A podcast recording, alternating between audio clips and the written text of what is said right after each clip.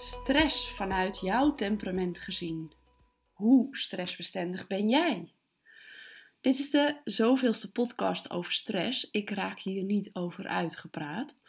En elke keer probeer ik vanuit een andere invalshoek, een andere inkijk te geven in wat stress betekent in jouw leven en vooral in jouw werk. En elke keer als ik een opname maak over stress, probeer ik dat te doen vanuit weer een andere invalshoek.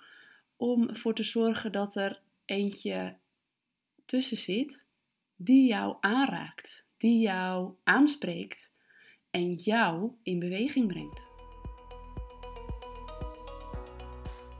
Stress vanuit jouw temperament gezien.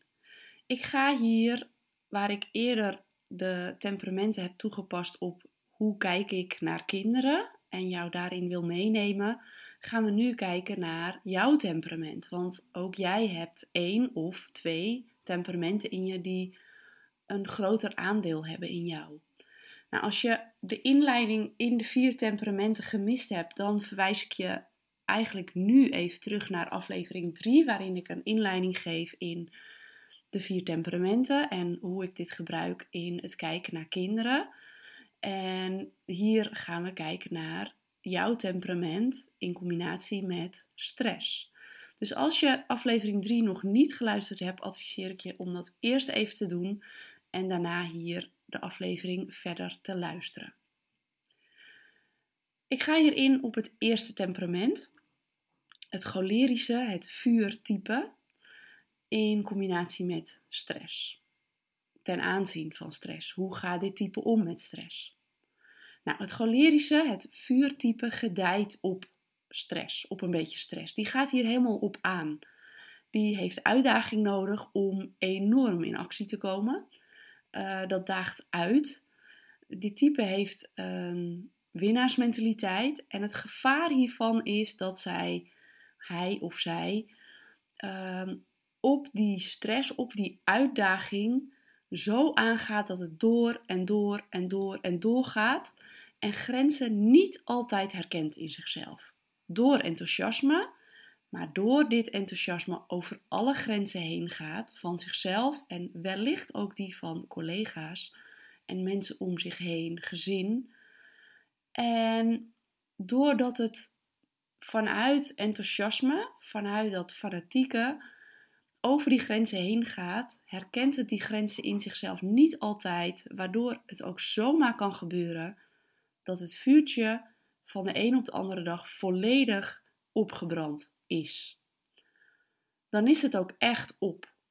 Bij dit type is het alles of niets en dit type zal worden uitgedaagd hierin balans te leren houden.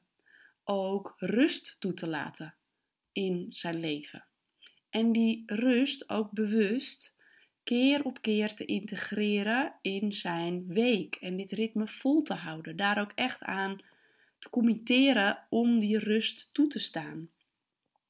Want het vuurtype die ehm, kan nog wel eens het idee hebben dat de energie nooit opraakt, totdat het dan ook daadwerkelijk op is.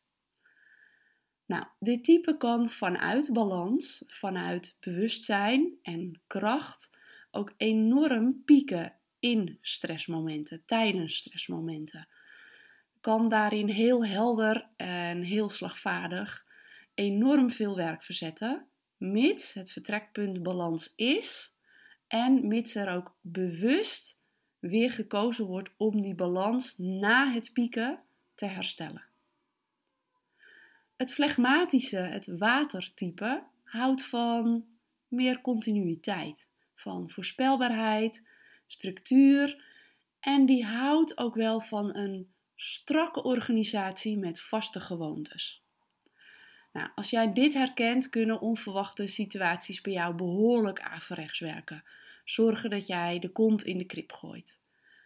Even gekscherend zijn watertypes degene die het liefst drie weken vooraf schriftelijk aangekondigd krijgen dat er onverwachte situatie aankomt. Omdat er bijvoorbeeld een collega ziek is of een pleeggezin omrolt en vraagt om actie. En dat kan natuurlijk niet. Want dat is nou net hetgene wat je bij onverwachte situaties niet kunt doen. Nou, dat was natuurlijk met een dikke knipoog. Maar ehm, dit type kan vanuit zelfinzicht, hoe het reageert op die onverwachte dingen, zichzelf trainen om niet direct te reageren vanuit de emoties die een onverwachte gebeurtenis oproept, maar even achterover te leunen, een stap achteruit te doen. Het gevoel even te laten zijn, dus het niet weg te duwen, maar gewoon even te voelen wat je voelt, afstand te nemen en daarna vanuit misschien nog wel een stap achteruit doen, nog meer afstand nemen, te overzien van, oh oké, wacht even. Dit is wat van mij gevraagd wordt, dit is wat ik nu voel, maar dat kan ik misschien ombuigen naar, waardoor ik mee kan bewegen en aan kan pakken wat aangepakt kan of moet worden. Het melancholische type, het aardetype, die neemt alles behoorlijk serieus. En ik weet dat jij bezig bent met serieuze business. Het gaat hier over het welzijn van kinderen tenslotte.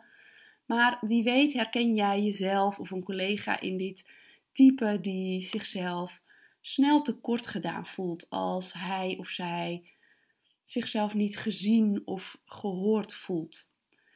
En de melancholicus kan ook best wel wat medelijden hebben met zichzelf en het leven ervaren als zwaar en, zoals ik net al zei, als iets heel serieus. Dit zijn de types die op onverwachte momenten misschien eigenlijk wel een beetje het podium pakken. Hoewel ze dat eigenlijk stiekem inwendig helemaal niet willen pakken. Maar ineens enorm uit uh, ja, onverwachte hoek enorm grappig kunnen zijn. De clown kunnen uithangen. Maar intern voelt dit vaak anders voor ze dan dat het daadwerkelijk is. Om even een voorbeeld te geven van mijn pleegzoon. Die heeft op de HAVO muziek als examenvak gekozen omdat hij een rol voor zich zag als uh, docent. En hij dacht hoe tof als ik ook muziek kan spelen voor de klas met de kinderen. Hij koos muziek en voor het vak muziek moest hij ook op het podium optreden voor alle ouders. Wij mochten niet komen, want hij vond het verschrikkelijk als wij daarbij zouden zijn. Hij vond het sowieso verschrikkelijk dat hij op het podium moest staan. Dus het melancholische type staat ook niet graag in de belangstelling, in het middelpunt. Maar wat daar gebeurde, was nou typisch een melancholisch kenmerk, omdat hij eigenlijk alles wat hij deed net niet in de maat sloeg. Hij kreeg ook het meest simpele taakje op de triangel en dat lukte hem ook niet. Maar pakte hij eigenlijk daar de clownsrol. Dus de hele zaal lag vlak van het lachen om zijn acteren. Iedereen zag een clown die daar enorm uit de band stond te gaan. Maar inwendig vond hij het verschrikkelijk, voelde hij zichzelf voor lul staan en vond hij het absoluut niet grappig. Maar uiterlijk was dat niet te herkennen door het publiek. En in dat publiek zaten ouders die ik kon, waar ik dit verhaal dan weer van hoorde. Van jeetje, wat deed David dat ontzettend leuk. Maar dat is wat de melancholicus, um, waar de melancholicus in kan verrassen. Waarin het ineens in het middelpunt staat. Ineens um, enorm grappig overkomt, als clown overkomt. Terwijl je gewend bent dat je collega eigenlijk altijd alles behoorlijk serieus neemt, het leven ervaart als zwaar. En eigenlijk herken je dit type niet en verrast dit type je dus op die manier. Nou, dit type, het melancholische aardetype, kom ik heel vaak tegen in combinatie met de flegmaticus. Aarde en water vast van structuur en het kabbelende water die zich een weg vindt in de aarde. En in het verlengde hiervan zou je ook de iets wat autistische types hierin kunnen herkennen. En nou ben ik nooit zo van de etiketjes. En ik denk dat als we de eigenschappen van een autistisch type lezen dat we daar allemaal wel ergens een vleugje van mee hebben. Net zoals we ook een vleug hebben van alle vier temperamenten, waarvan één of twee toch wat duidelijker naar voren komen. Maar goed, de melancholicus houdt dus van structuur en voorspelbaarheid in de extreme vorm. En hierin geldt eigenlijk hetzelfde als het flegmatische type. Van dit type wordt eigenlijk gevraagd om een stap achteruit te nemen, even de emoties er te laten zijn en wat af te laten nemen. En daarna te kijken van oké, maar wat vraagt dit van mij om van daaruit weer in beweging te kunnen komen. En dan hebben we nog het sanguinische type, het luchttype. De vrolijke spring in het veld, die overal tussendoor wappert, die eigenlijk helemaal geen stress ervaart, die ook misschien zelfs geen idee heeft waar jij het over hebt als je wel stress ervaart. Of als jij dat zelf hebt, dat je van collega's denkt: jeetje, wat, uh, wat, wat zijn die uh, moeilijk aan het doen met stress? Want de sanguinicus, het luchttype, waait met alle winden mee. Maar vooral met de onvoorspelbare wind in zichzelf. Die houdt van afwisseling en kan heel flexibel overkomen. Maar mist daardoor structuur, is vaak aan de late kant of misschien eigenlijk altijd te laat. Maar ervaart zelf dat het prima op tijd is. Een veelgedane uitspraak van de sanguinicus, een typerende uitspraak van de sanguinicus is: Ach, één minuut te laat is toch niet te laat? Nou, dit type is behoorlijk chaotisch, vindt zelf dat het enorm gestructureerd kan werken, maar kan bijvoorbeeld uh, zeggen: Ja, uh, ik even mijn sleutel pakken. En dan um, grijpt het in het handtasje. Kan de sleutel uiteraard niet vinden. Moet de hele tas omkiepen. En denkt: Oh ja, ik had bedacht om de sleutel voortaan in mijn broekzak te stoppen. Zodat ik het niet meer kwijtraak. Dus het probeert wel ergens structuur aan te brengen in de chaos. Maar als die structuur iedere keer weer verandert, dan blijft het chaos. En door dat chaotische in zich en dat fladderende, dat, um, ja, weet je, het is ook een type die alle vogeltjes buiten ziet vliegen. Uh, dat zul je misschien meer herkennen bij kinderen en toch zijn er ook bij ons volwassenen behoorlijk veel dingen die ons af kunnen leiden. En voor de sanguinicus is dit een extra grote uitdaging, want werkelijk alles leidt ook daadwerkelijk af van datgene wat diegene aan het doen is. Dat je dacht, oh ja, wat zou ik vandaag ook weer doen? Of oh, waar was ik net eigenlijk ook mee bezig? Omdat er wellicht ook allerlei werktaken door elkaar heen lopen en tegelijkertijd gedaan worden. Of in ieder geval een poging om die allemaal tegelijk te doen. Of eigenlijk is het niet een poging om ze allemaal tegelijk te doen, maar door de afleiding dat er gewisseld wordt tussen verschillende taken. Dit type is ook snel afgehaakt en kan daardoor behoorlijk vaak wisselen van baan. Dit type kan zomaar een cv hebben van een paar maanden hier, een paar jaartjes daar, omdat het van afwisseling houdt. Zo zal het, dat zal de reden zijn vanuit het type zelf om goed te praten, wat in hoeverre het goed gepraat moet worden. Hè?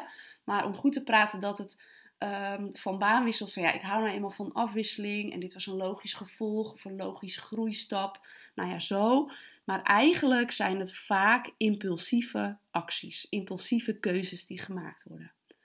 En dat terwijl dit type juist gedijt bij duidelijke kaders en een duidelijke structuur en zou zichzelf een enorme dienst doen om zich ook echt te committeren aan die structuur. En als het met zichzelf afspreekt om de huissleutel en de autosleutel in de handtas te doen, om dat ook echt altijd te doen. En niet na een week of na een dag of na een halve dag te denken: oh, dat is toch een beter plekje. En zo zou je dat kunnen doortrekken in alles. Dus zich committeren aan die kaders en die structuur.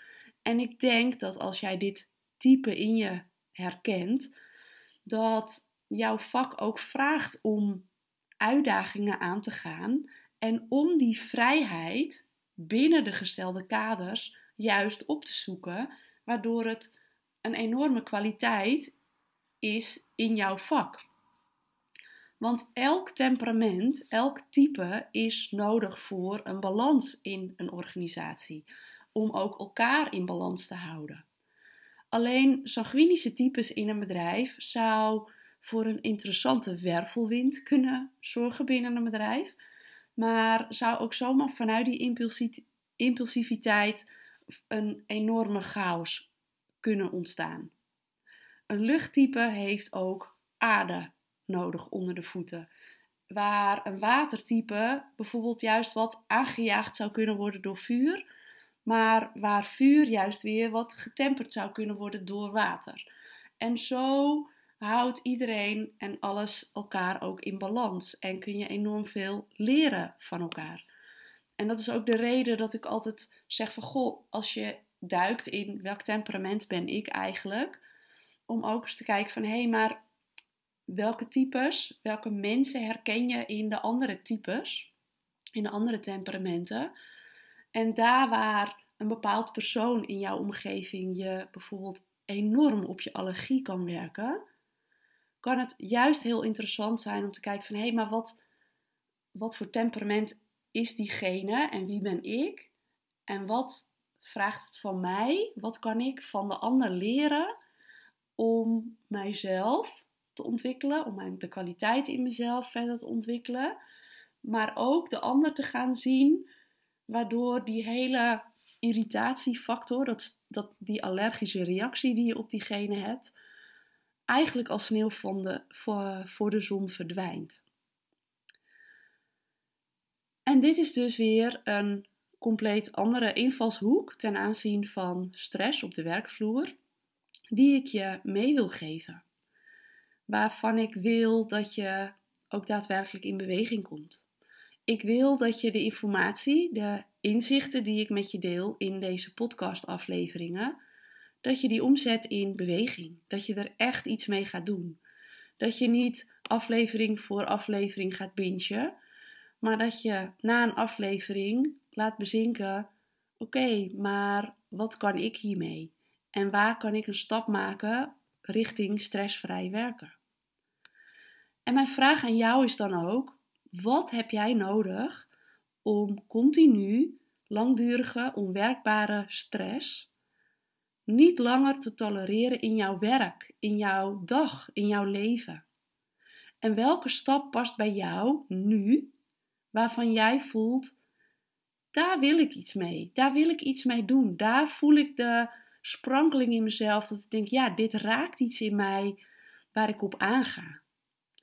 Misschien voel jij, net als een collega van jou die ik onlangs sprak, leuk zo'n cursus mindfulness, maar hoe kan ik dan de rust die ik tijdens dat uurtje vind integreren in mijn dag, in mijn werk, in mijn leven? Nou, dan kan het voor jou passend zijn om vanuit stap 1 het kennis opdoen. Wat doet stress in mijn lichaam? Hoe werkt het verslavend? Welke effecten heeft stress op mijn energie in mijn lichaam? Op de energieproductie, de fysieke energieproductie, het omzetten van voeding in energie? naar stap 2. Wat vraagt het van mij om chronische stress aan te pakken? Hoe herken ik stress? Sluimerende stress, sneaky stress, die misschien inmiddels als gewoon voelt, maar waarvan jij weet: dit ga ik niet lang volhouden en dit wil ik ook niet langer volhouden. Welke keuze maak ik gedurende mijn dag, zowel thuis als op mijn werk, om stressvrij te kunnen werken? Wat vraagt de keuze om stressvrij te werken van mij om dit wel te integreren in mijn werk en in mijn leven? Om zo te komen bij stap 3, vanuit jouw missie gezien, de keuzes maken in jouw werk om succesvollere zorg te leveren. Dus niet te focussen op to-do-lijstjes, maar uit te zoomen en te denken: oké, maar wat is nou eigenlijk de reden wat was ook alweer de reden dat ik dit werk heb gekozen? Wat is mijn missie? Waar ga ik op aan? En wat, welke keuze vraagt dat van mij vandaag, nu? Welke keuze maak ik om vandaag impact te maken in de pleeggezinnen die ik onder mijn vleugels heb? Welke keuze maak ik om te zorgen dat ik werkplezier ervaar en vanuit dat werkplezier succesvoller ben, meer van waarde kan zijn in de pleeggezinnen? Nou, wil jij weten welke rol ik voor jou kan betekenen hierin? Stuur mij een berichtje en we praten verder. De links naar de chat op LinkedIn en mijn e-mail vind je hieronder in de show notes. En voel je van harte welkom om contact met mij op te nemen. Dan uh, kletsen we verder over waar jij tegenaan loopt, wat jouw wensen zijn, waar jij heel graag naartoe zou willen in jouw werk. En of en hoe ik daar een bijdrage in kan leveren voor jou. Voor nu wens ik je een hele mooie, ik hoop stressvrije dag, waarin je de ruimte en de vrijheid voelt om keuzes te maken die het verschil maken in jouw werkplezier en waarmee jij impact maakt in jouw pleeggezinnen. Tot snel!